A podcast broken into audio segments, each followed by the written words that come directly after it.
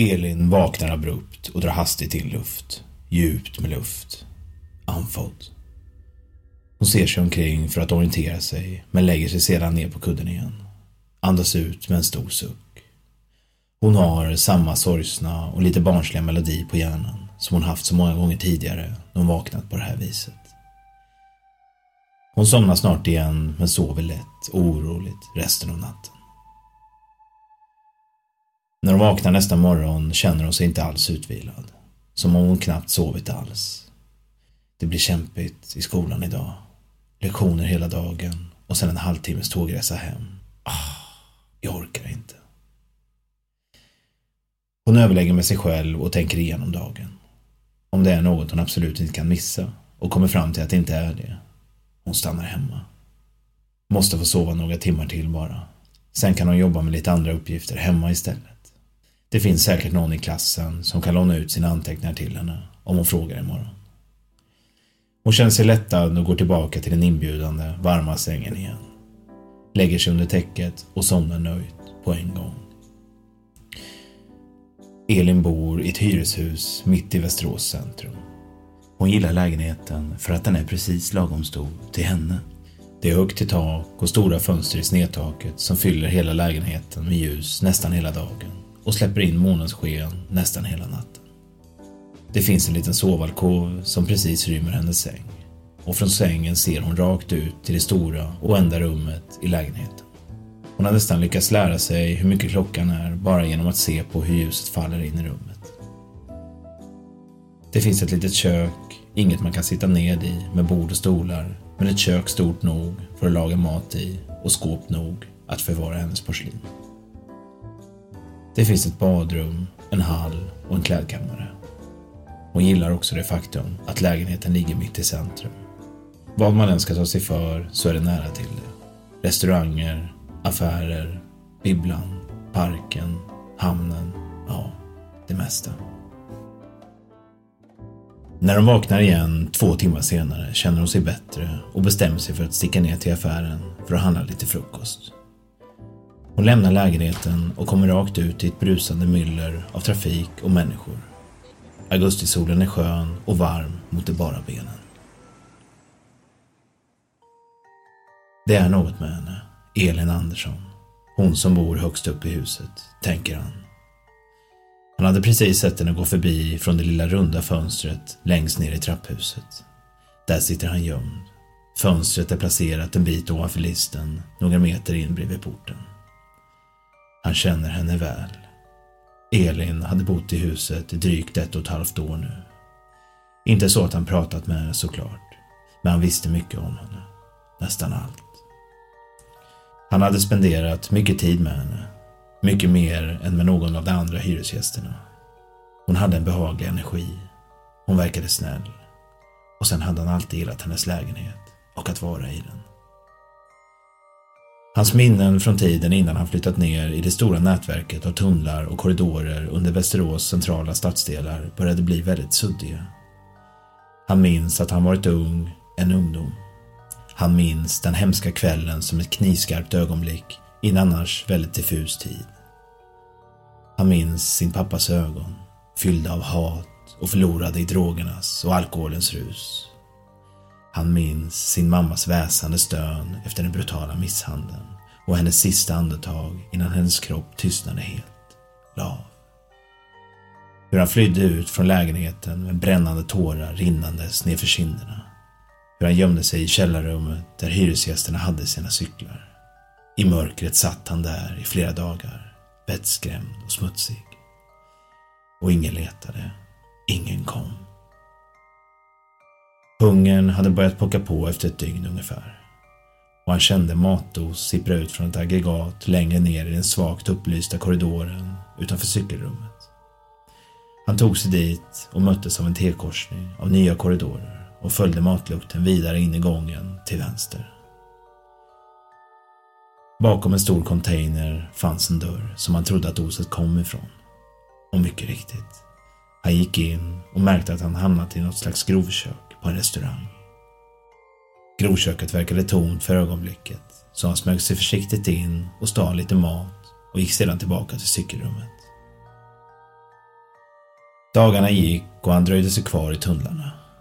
Ingen saknade honom och han märkte att han trivdes.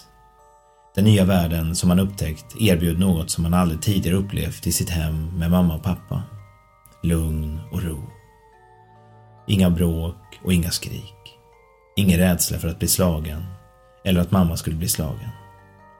Här nere var allting tyst och lugnt, utan hot eller knappt närvaro alls från andra människor. Sedan den hemska dagen han flytt ner till cykelrummet och vidare till tunnlarna hade han aldrig lämnat stället. Han utforskade varje meter och upptäckte att han kunde nå större delar av innerstan via tunnelnätverket. Många restauranger hade sina frys och soprum här nere. En del också själva köket.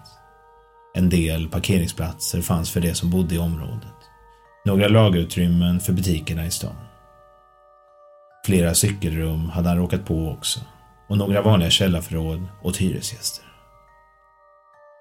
En gång hade han lyckats ta sig ända till biblioteket, men den vägen innebar en passage där det var ganska mycket människor i omlopp, så han undvek den. Hur mycket han än tyckte om biblioteket och lokalens öppna och luftiga rymd. Ytterst sällan mötte han någon där nere. Han hade lärt sig tunnlarnas alla ljud och kunde höra en människa på långt håll. Dessutom var alla dörrar som ledde in i korridorerna massiva och av järn. Så han kunde lätt byta riktning om han hörde någon av dem gå igen. I några av hyreshusen kunde han via tunnlarna och fläktsystemen nå rakt in i hyresgästernas lägenheter. Ofta mynnade det ut i klädkammarna eller vindar. Liksom de flesta människor hade även han ett behov av att umgås med andra människor. Men samtidigt kände han en stor rädsla inför dem. Han löste det genom att smyga in till dem under natten. Han satt ofta och iakttog människorna när de sov. Det såg så avslappnade och tillfreds ut då. Inte som hans mamma och pappa brukade se ut när de bråkade och skrek. Hans favorit är Elin. Han sitter en stund vid det lilla fönstret där han ser ingången till hyreshuset. Sedan får han ett infall att göra något han inte gör särskilt ofta. Någon gång ibland smyger han sig in i Elins lägenhet på dagtid för att umgås med henne. Han brukar då lägga sig under hennes säng och blunda och njuta av hennes närvaro i lägenheten. Det är en härlig känsla, men det är samtidigt lite farligt. Men idag är impulsen så stark att han inte kan motstå.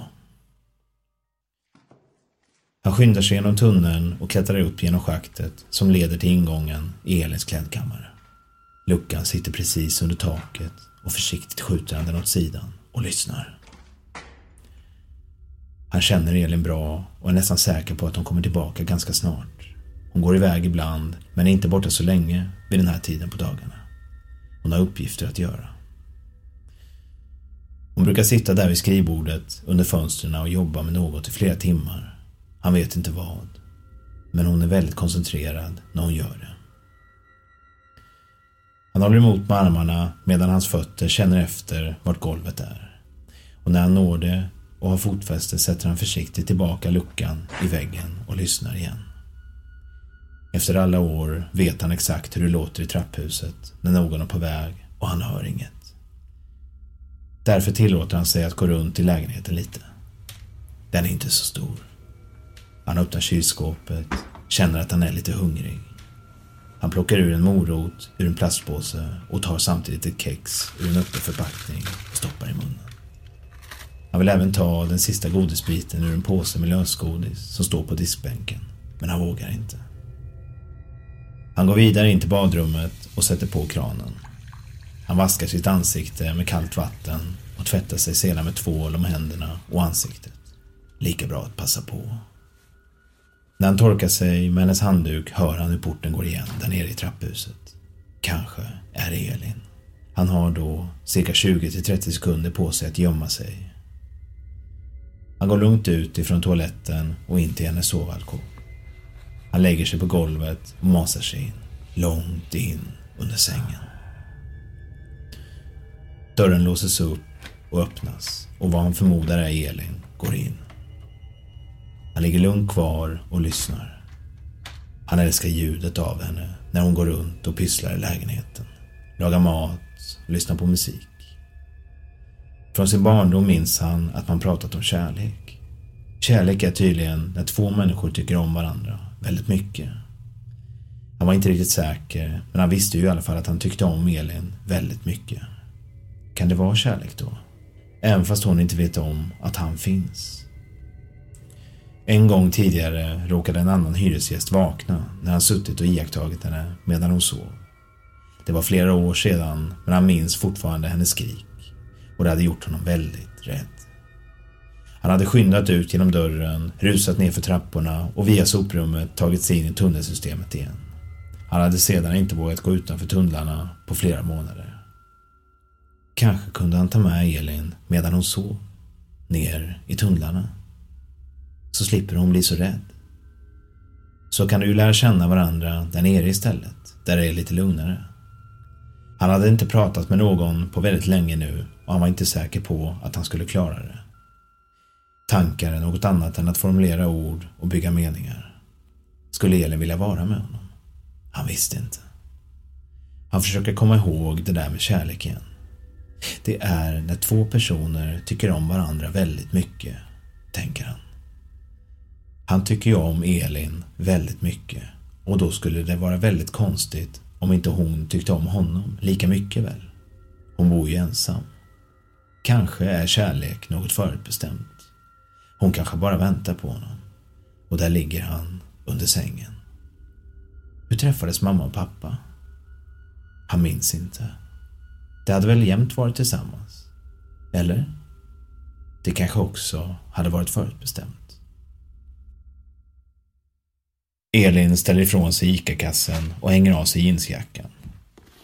Hon snörar av skorna och öppnar dörren till klädkammaren för att åter lägga dem i den provisoriska högen med skor. Precis när hon ska stänga dörren till garderoben igen fastnar hennes ögon på en lucka precis under taket. Hon hade aldrig lagt märke till den tidigare och den verkar inte vara helt igenskjuten. Undrar vart den leder? Är den för ventilation? Den kanske ska vara lite öppen för att vädra ut och in luft eller något. Hon tycker att det är lite märkligt. Varför har hon inte tänkt på den tidigare? Och har den alltid stått på glänt sådär? Hon drar igen skjutluckan så att den stängs helt. Det känns bäst så. Jag får väl ringa hyresvärden om det blir några problem, tänker hon. Elin går ut i hallen igen, tar med sig ICA-kassen och går in i köket. Hon ställer in vissa av varorna i kylskåpet samtidigt som hon börjar göra i ordning sin frukost. Kaffe och två rostmackor. Hon är väldigt hungrig och sträcker sig efter ett kex medan hon tar fram kaffekoppen. Hon noterar att förpackningen nästan är slut. Redan. Hon köpte den ju bara för några dagar sedan. Hon går in i det stora rummet med frukostbrickan och dukar upp framför TVn. En repris av en gammal sitcomserie får bli sällskapet till frukosten. Men innan hon äter vill hon tvätta sina händer.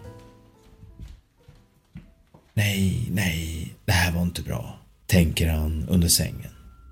Och en panikartad känsla skjuter upp från magen och isar i huvudet.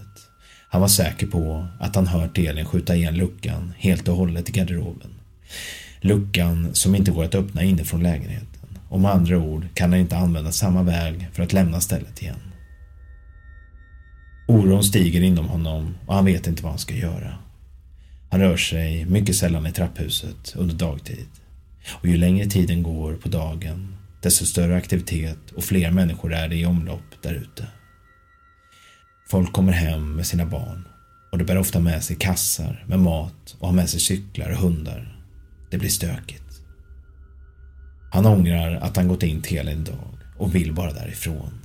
Han känner en tår, lämna den yttre ögonvrån och rinna längs tinningen där han ligger.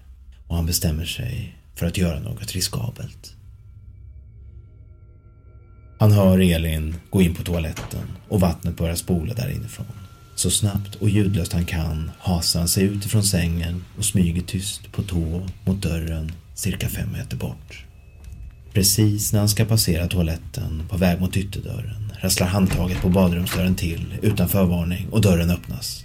Hans ögon spärras upp och han andas flämtande in samtidigt som han blixtsnabbt trycker sig mot väggen som toalettdörrens gångjärn är fästa i. Han känner hur dörren slår upp mot hans kropp och han fångar handtaget med sin hand för att den inte ska studsa på honom så han blottas. Han hör Elins steg på väg mot tvn och hur hon sätter sig i soffan. Tårarna rinner ner från hans kind igen och han får anstränga sig för att inte hulka högt. Han känner sig otrygg och malplacerad. Varför gick han in till Elin idag? Mitt på dagen. Han förbannar sig själv och vill inget hellre än att vara nere i de trygga, dunkla tunnlarna igen. Han vet inte om Elin ser dörren han står bakom från där hon sitter och därför vågar han inte röra sig en millimeter. Han står helt stilla och andas så tyst han kan medan han hör hur Elin biter i frasigt bröd och sörplar på sitt varma kaffe. Det luktar gott. Efter en ganska lång stund hör han hur hon reser sig och går mot honom. Han trycker sig mot väggen så hårt han kan och när hon passerar honom på väg in till köket ser han hennes ansikte för en sekund. Lyckligtvis tittar hennes ögon rakt fram och inte på honom. Utan att tänka på konsekvenserna tar han chansen. Han skjuter dörren åt vänster och lämnar ljudlöst sin plats. Han skyndar tyst mot ytterdörren och stannar när han lagt sin hand på handtaget. Han trycker försiktigt ner det, men kan inte öppna. Det är låst. Mödosamt vrider han sakta om låset tills ett litet klick hörs och dörren går upp. Elin hajar till. Gick dörren just igen? Hon lutar sig ut och tittar ut i hallen mot dörren. Toalettdörren rör sig lite, som att den sakta stängs. Men ytterdörren är helt stängd. Hon ställer ifrån sig koppen och fatet som hon just tänkt diska och går fram till dörren. Hon tittar in på toaletten, ingen där. Och kikar sedan i titthålet på ytterdörren, men ser ingenting. Hon känner på dörren och den går upp. Hon är nästan säker på att hon låste den när hon kom hem. Hon tittar ut och ner för trappan som svänger vänster och går som en cirkel ner, plan för plan. Hon lyssnar och tycker sig höra snabba men tysta steg några våningar längre ner. Som att någon småsprang barfota ner för trapporna. Hon stänger och låser igen. Gud vad märkligt, tänker hon och känner sig lite illa till mods. För första gången sedan hon flyttat in på Stora gatan i Västerås känner hon en känsla av otrygghet i sitt eget hem. Han rusar ner på sina bara fötter. På andra våningen, mitt i trappen, finns en lucka han kan fly igenom som tar honom till soprummet, in till cykelförrådet. Hans kropp skakar när han till slut hittar tryggheten i mörkret där nere. Han sitter på golvet med ryggen mot en välbekant vägg. En skrovlig och gråmålad vägg i en tunnel flera meter ner under innerstan. Han tar fram sin flöjt och spelar den enda melodi han kan för att lugna sig och komma till ro. För många år sedan hade han hittat flöjten i en svart sopsäck i en container ihop med massa leksaker. Dockor, gosedjur, bilar och byggklossar. Han tyckte om flöjtens ljud och den påminde honom om hans mor på något sätt.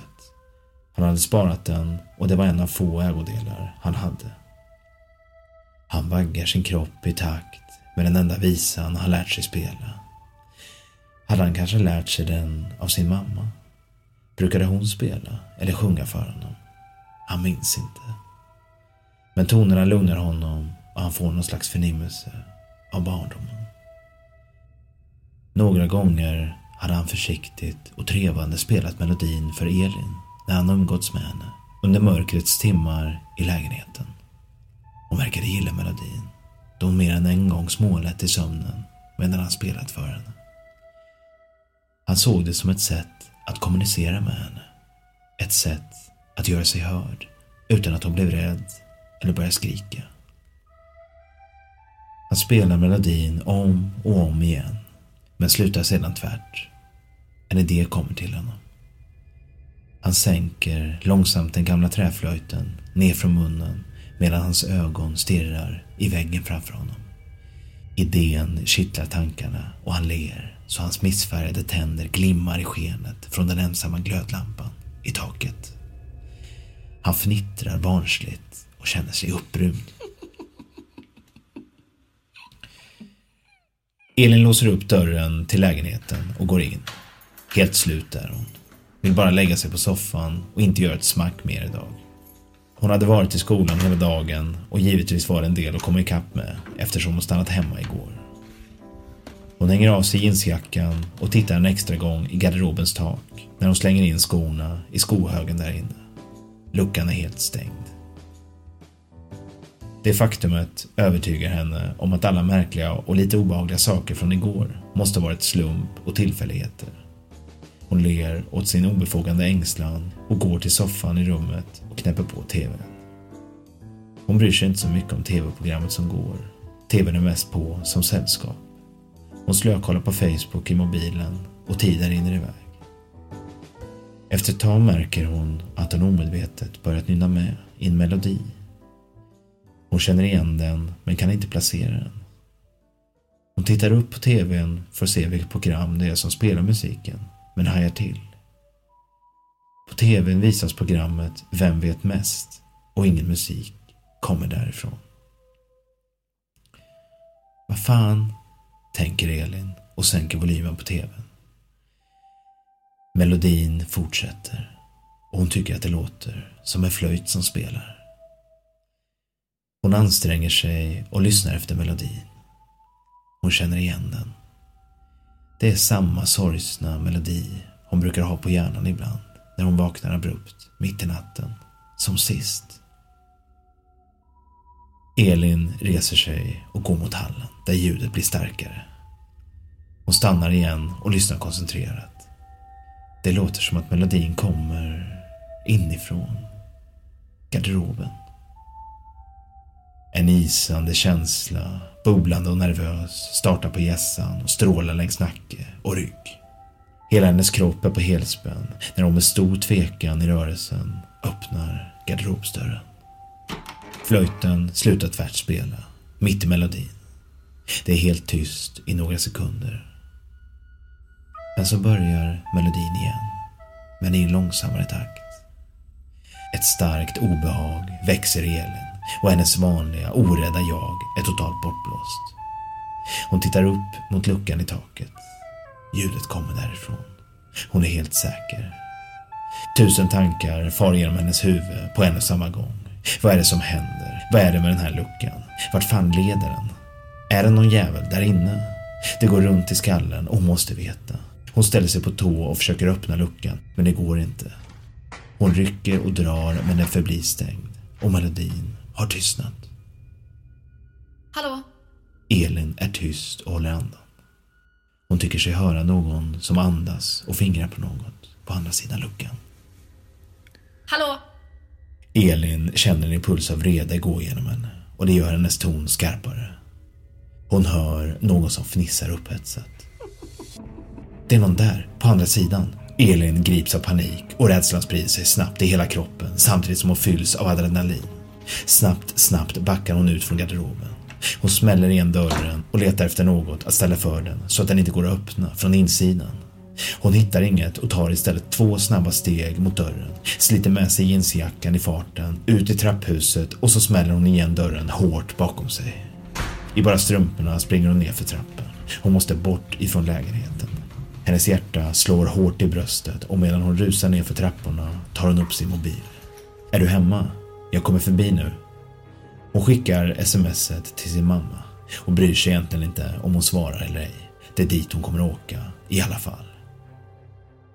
Fick jag med nycklarna? Tanken hugger till i bröstet. Hon stoppar båda händerna snabbt i jackfickorna och känner dem i höga fickan. Åh, tur. Hon måste ju låsa upp sin cykel.